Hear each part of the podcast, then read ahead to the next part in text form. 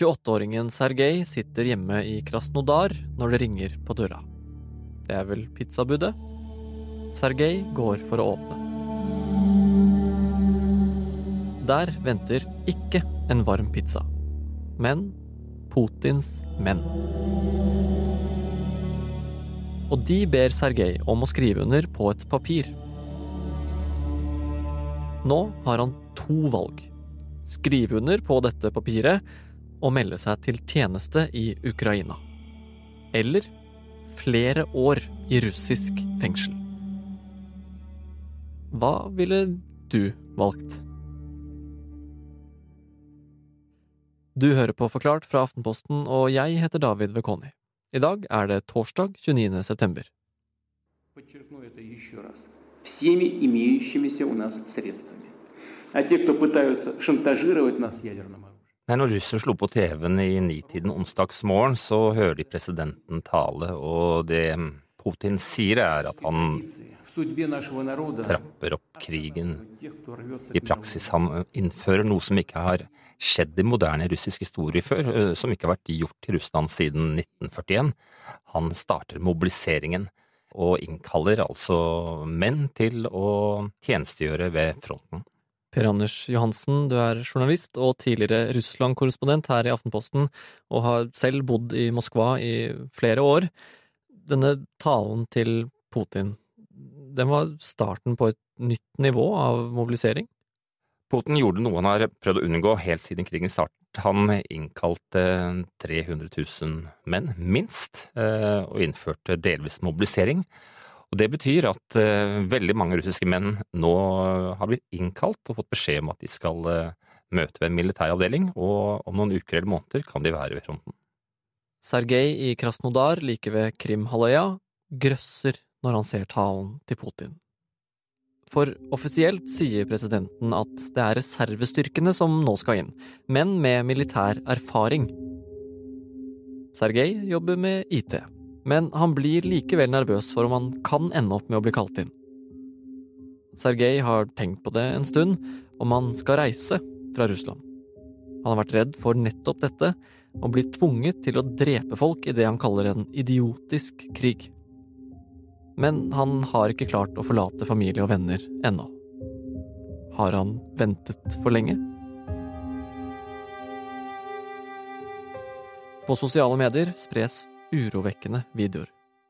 Det første vi ser allerede onsdag og torsdag, er at eh, militærkommissærene, altså Putins håndlangere som skal kalle inn eh, de russiske mennene, går veldig hardt til verks. De henter inn handikappede, de henter inn eh, gamle menn på 60-årene, de, de kjører opp på universitetet og plukker opp studenter.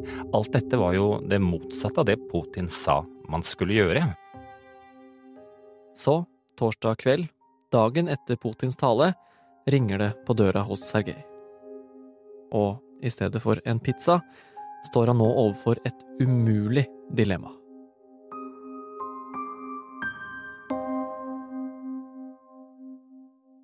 Når du har fått innkallingen i hånden, så har du egentlig i hovedsak to valg. Du kan eh, bli med, som vi ser mange gjør, pakker sjekken og setter seg inn i bussen og blir kjørt av gårde til, til herreavdelingen. Eller du kan nekte, eh, og da risikerer du mye. Du risikerer eh, fengselsstraff, kan miste jobben din, og det er det faktisk likevel mange som, som prøver nå. Hvordan er det å sitte i russisk fengsel? Å sitte i russisk fengsel er er en meget stor belastning. Det er flere hundre tusen som allerede sitter i russiske fengsler av ulike årsaker, og mange fengsler er jo blitt tømt, faktisk, ved at man har vært og hentet fanger der. Den 28 år gamle IT-arbeideren Sergej tror ikke på krigen til Putin, men han velger å skrive under. Med gråten i halsen sier han til Aftenposten at han skulle ha reist mens han hadde sjansen. Nå har han ikke noe annet valg enn å møte opp.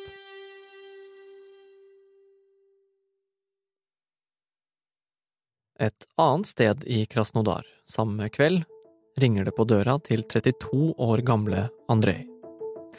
Han skjønner at dette er ikke noe pizzabud, så Andrej løper.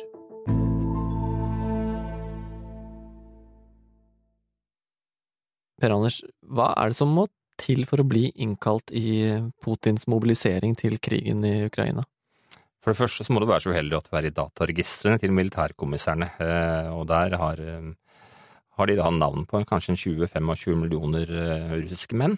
Men i tillegg så må altså militærkommissærene finne deg og gi deg denne ordren om at nå er du mobilisert. Og derfor er det jo mange som prøver å komme seg unna. Når det ringer på hos Andrej et annet sted i Krasnodar, skjønner han at det er en sånn ordre som han må være til stede for å få. Så mens kona hans åpner døra og snakker med mennene fra militæret, klatrer Andrej ned baktrappa og rømmer. Selv om de ikke fikk tak i ham nå, og Aftenposten møter ham hos en kompis, er han ikke trygg. Så Andrej skal prøve å komme seg ut av landet. Han nekter å krige. Men tiden kan være knapp. For ganske snart begynner det å gå rykter om at grensa ut av landet kan stenge når som helst.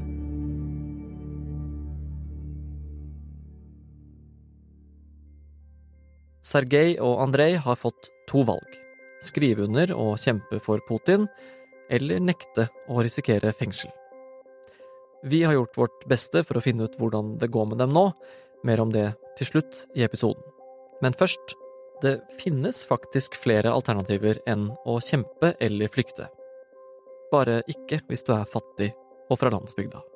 Det vi jo ser allerede ved hjelp av massevis av lekkasjer i de ulike republikkene, eh, er jo at det er utrolig store ulikheter mellom de ulike delene av Russland i hvem som blir innkalt.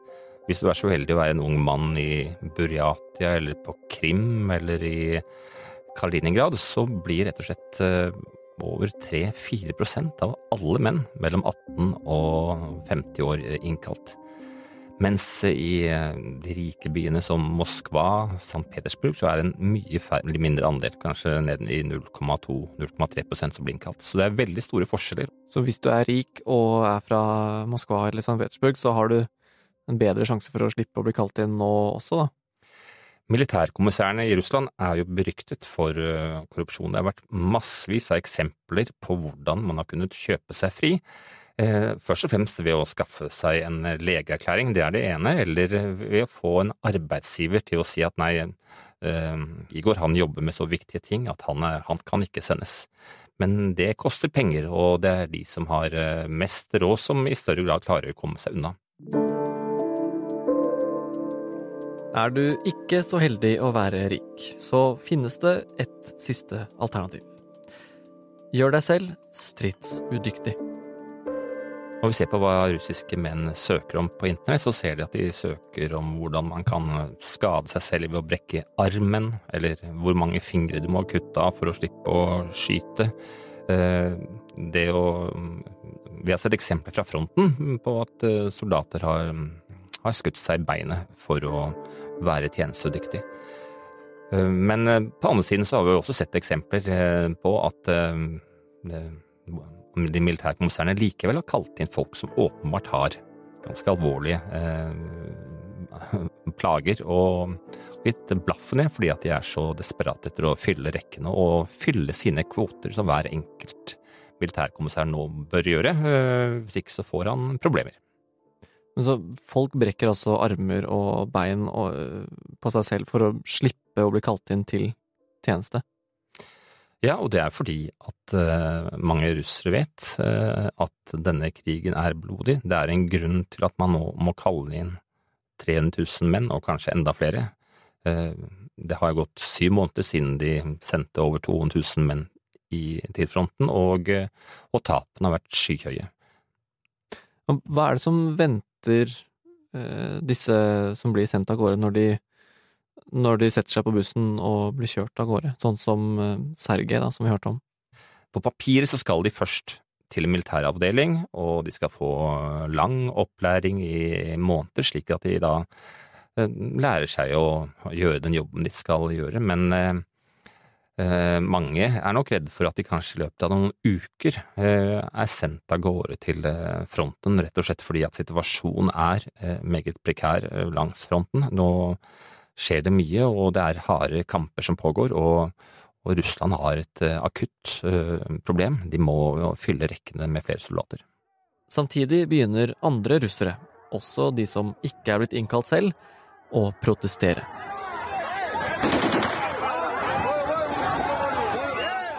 Russere er jo veldig aktive på sosiale medier. Eh, om lag 100 millioner russere er inne hver eneste dag. Og vi har sett nå en rekke historier fra hele Russland som forteller om en mobilisering som eh, både sjokkerer og skremmer.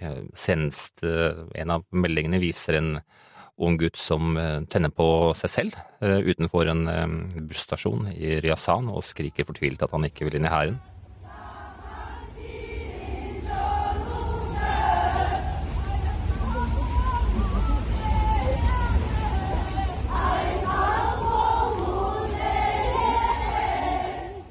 Lyden vi hører her, er fra en eh, video hentet i, fra byen Jakutsk. Eh, hele situasjonen er veldig spesiell. Eh, det er ganske tomt på torget først, og så møter opp kvinner. Det kommer flere og flere kvinner, og de roper først en del protestord. De roper 'stopp folkemordet', 'gi oss mennene våre tilbake'.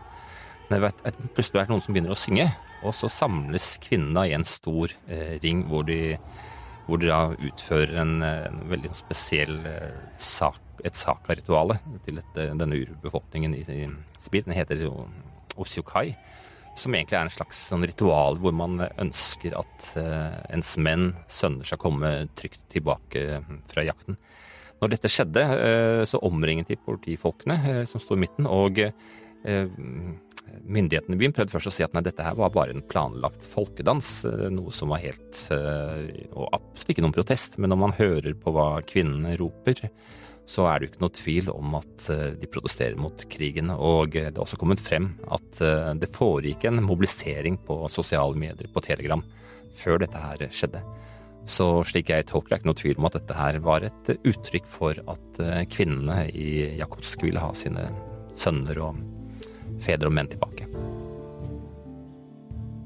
Dette er veldig sterke uttrykk for at uh, krigen har kommet uh, mye nærmere russere flest òg, og, uh, og at det er mange som protesterer. For de ser rett og slett sine sønner, menn og fedre bli tatt av gårde. Ja, hva gjør denne mobiliseringen med russernes oppfatning av denne spesialoperasjonen i Ukraina som Putin har kalt det hele veien?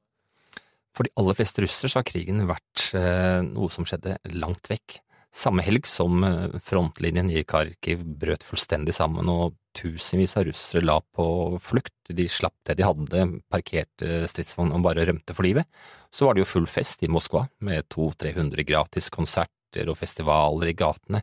Det var som om på en måte ikke noe skjedde, men nå har krigen brått kommet veldig mye nærmere når når eh, venner, sønner, fedre, mannen din blir innkalt. Og det er her Putin balanserer nå fordi han har prøvd å fremstille dette som en eh, veldig liten mobilisering, men eh, det er mye som tyder på at eh, dette treffer veldig hardt, særlig i en del republikker og byer. Og hva kan det ha å si for Putin som president da, på lengre sikt? For det første så betyr denne mobiliseringen at det Putin har sagt fram til nå, nemlig at alt går bra og at dette er en spesialoperasjon, eh, akkurat den forestillingen begynner å rakne. For å stå imot eh, dette så sier Putin at grunnen til at vi nå gjør det, er at eh, Vesten står imot oss, at hele Nato står imot oss, og da må vi mobilisere flere. Men russere flest har jo også tilgang til nyheter. Det er jo om lag 25-30 millioner russere som har lastet ned VPN, slik at de kan surfe fritt. Og unge russere, ser vi, er, der er det et, et lite mindretall som sier at de vil være villige til å dra til fronten. Men blant den eldre befolkningen i Russland, pensjonistene, folk som jobber i statsapparatet, der er det mye større støtte for denne krigen. Så det er ikke sikkert at denne mobiliseringen i seg selv kommer til å velte hele korthuset til Putin? Vi er fortsatt eh, dessverre tidlig denne krigen, og eh, det skal skje fortsatt ganske mye i Russland før eh, jeg tror Putins maktapparat for alvor føler at ting begynner å svikte under dem.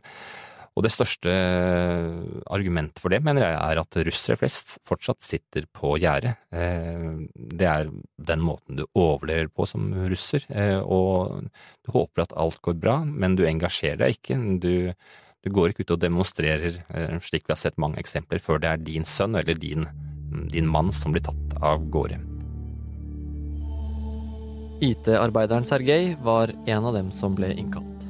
Han ville ikke flykte, så forrige helg troppet han opp på vervekontoret.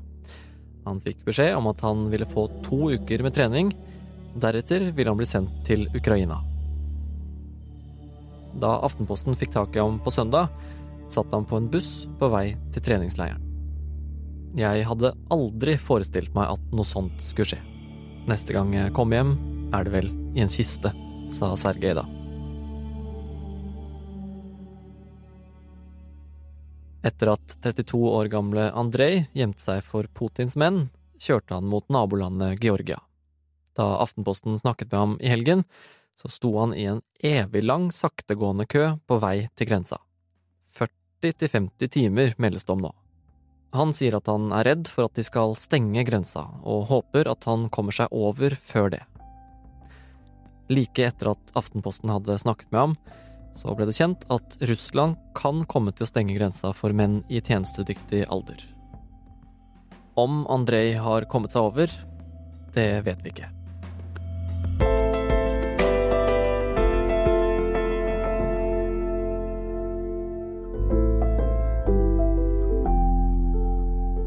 Det var Per Anders Johansen som fortalte om Putins store mobilisering.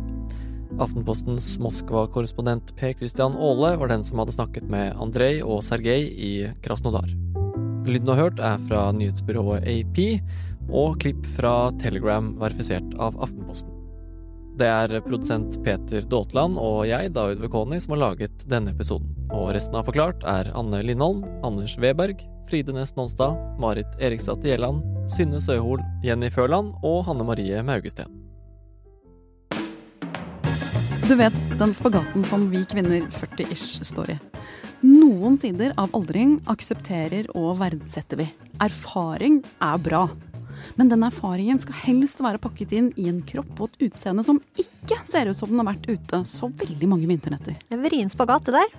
Men eh, nå har du oss. Vi skal snakke om alt som er vilt, vondt og vakkert midt i livet. Hormoner, midjefett, rynker, samliv, dating, tørr vagina, dødsangst. I det hele tatt. Podkasten 40 hører du hver fredag fremover. Endelig skjer det noe som eh, jeg blir invitert til igjen på fredager. Du er fin, da.